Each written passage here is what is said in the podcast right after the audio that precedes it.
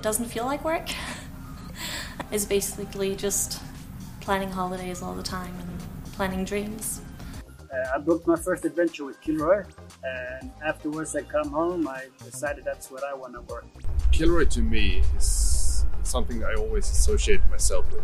It's a way I want to live, how I want to explore things. That's why I work here.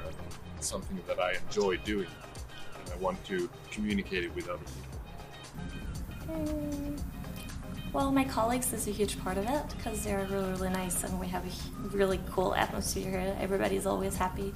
But also the customers who come in, they're always happy because they're going on trips and they want to hear about a lot of things and be inspired.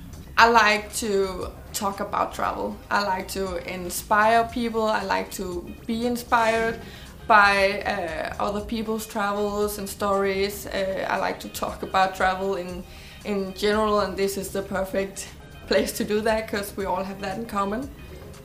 I work Monday to Friday um, and uh, flexible hours. Uh, have a lot of meetings in uh, on the phone with customers.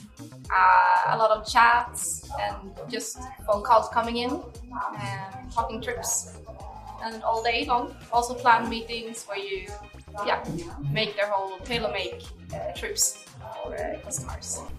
What I like the most is that, that not every day is the same. It's always something different. It's very challenging in a good way. Everyday life here is uh, it's hectic. It's a lot of stuff going on at the same time. Music, uh, fun people, and um, uh, yeah, exciting customers and exciting journeys.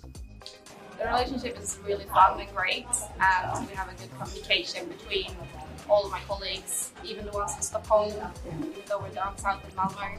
It's really happy, uh, happy place to work.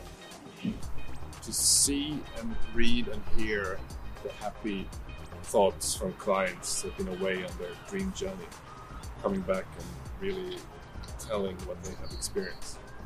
That's so working with something you love every day makes it really fun.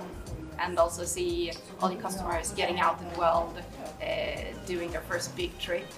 And when they come home and they tell you that it's been awesome, it's like one of the biggest uh, things like that makes me really happy about doing this job. What makes it worth it is the, the clients. Uh, they are usually very happy and excited because we help them to make their dream come true.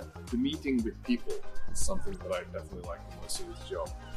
So many different types of people that wants to experience the same type of trips, but in a different way. But I mean, that's an experience daily basis of meeting new people. It's very inspiring to work for Kilroy. Uh, you get a lot of like ideas on what your next trip is going to be at the same time as you help people achieve their dreams and their dream vacations what's worth it for me to come to work every day is that it's not just uh, a job that, that pays me uh, in the end of the month.